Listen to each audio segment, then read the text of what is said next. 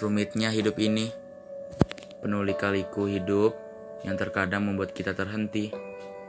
Ego dan nafsu yang kadang juga meluap, membuat kita terjebak dalam keindahan dunia. Aku bingung saat itu.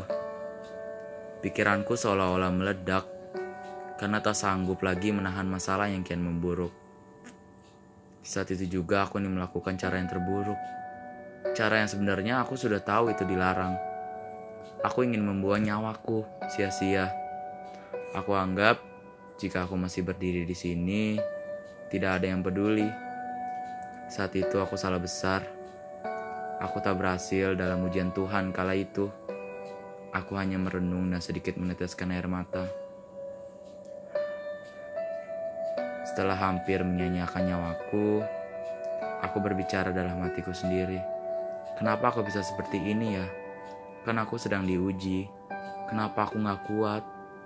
Akhirnya sekian lama, aku sadar bahwa hal itu adalah hal buruk yang dilakukan seseorang saat ada masalah.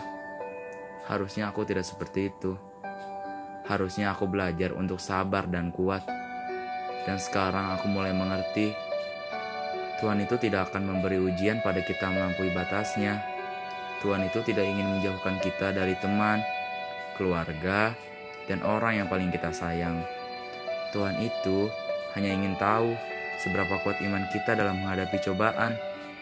Jika suatu buruk menimpa kita, kita harus kuat dan lebih giat dalam beribadah serta berikhtiar. Aku yakin kita sama-sama bisa raih mimpi, bisa melewatinya. Yang semangat, kita pasti bisa.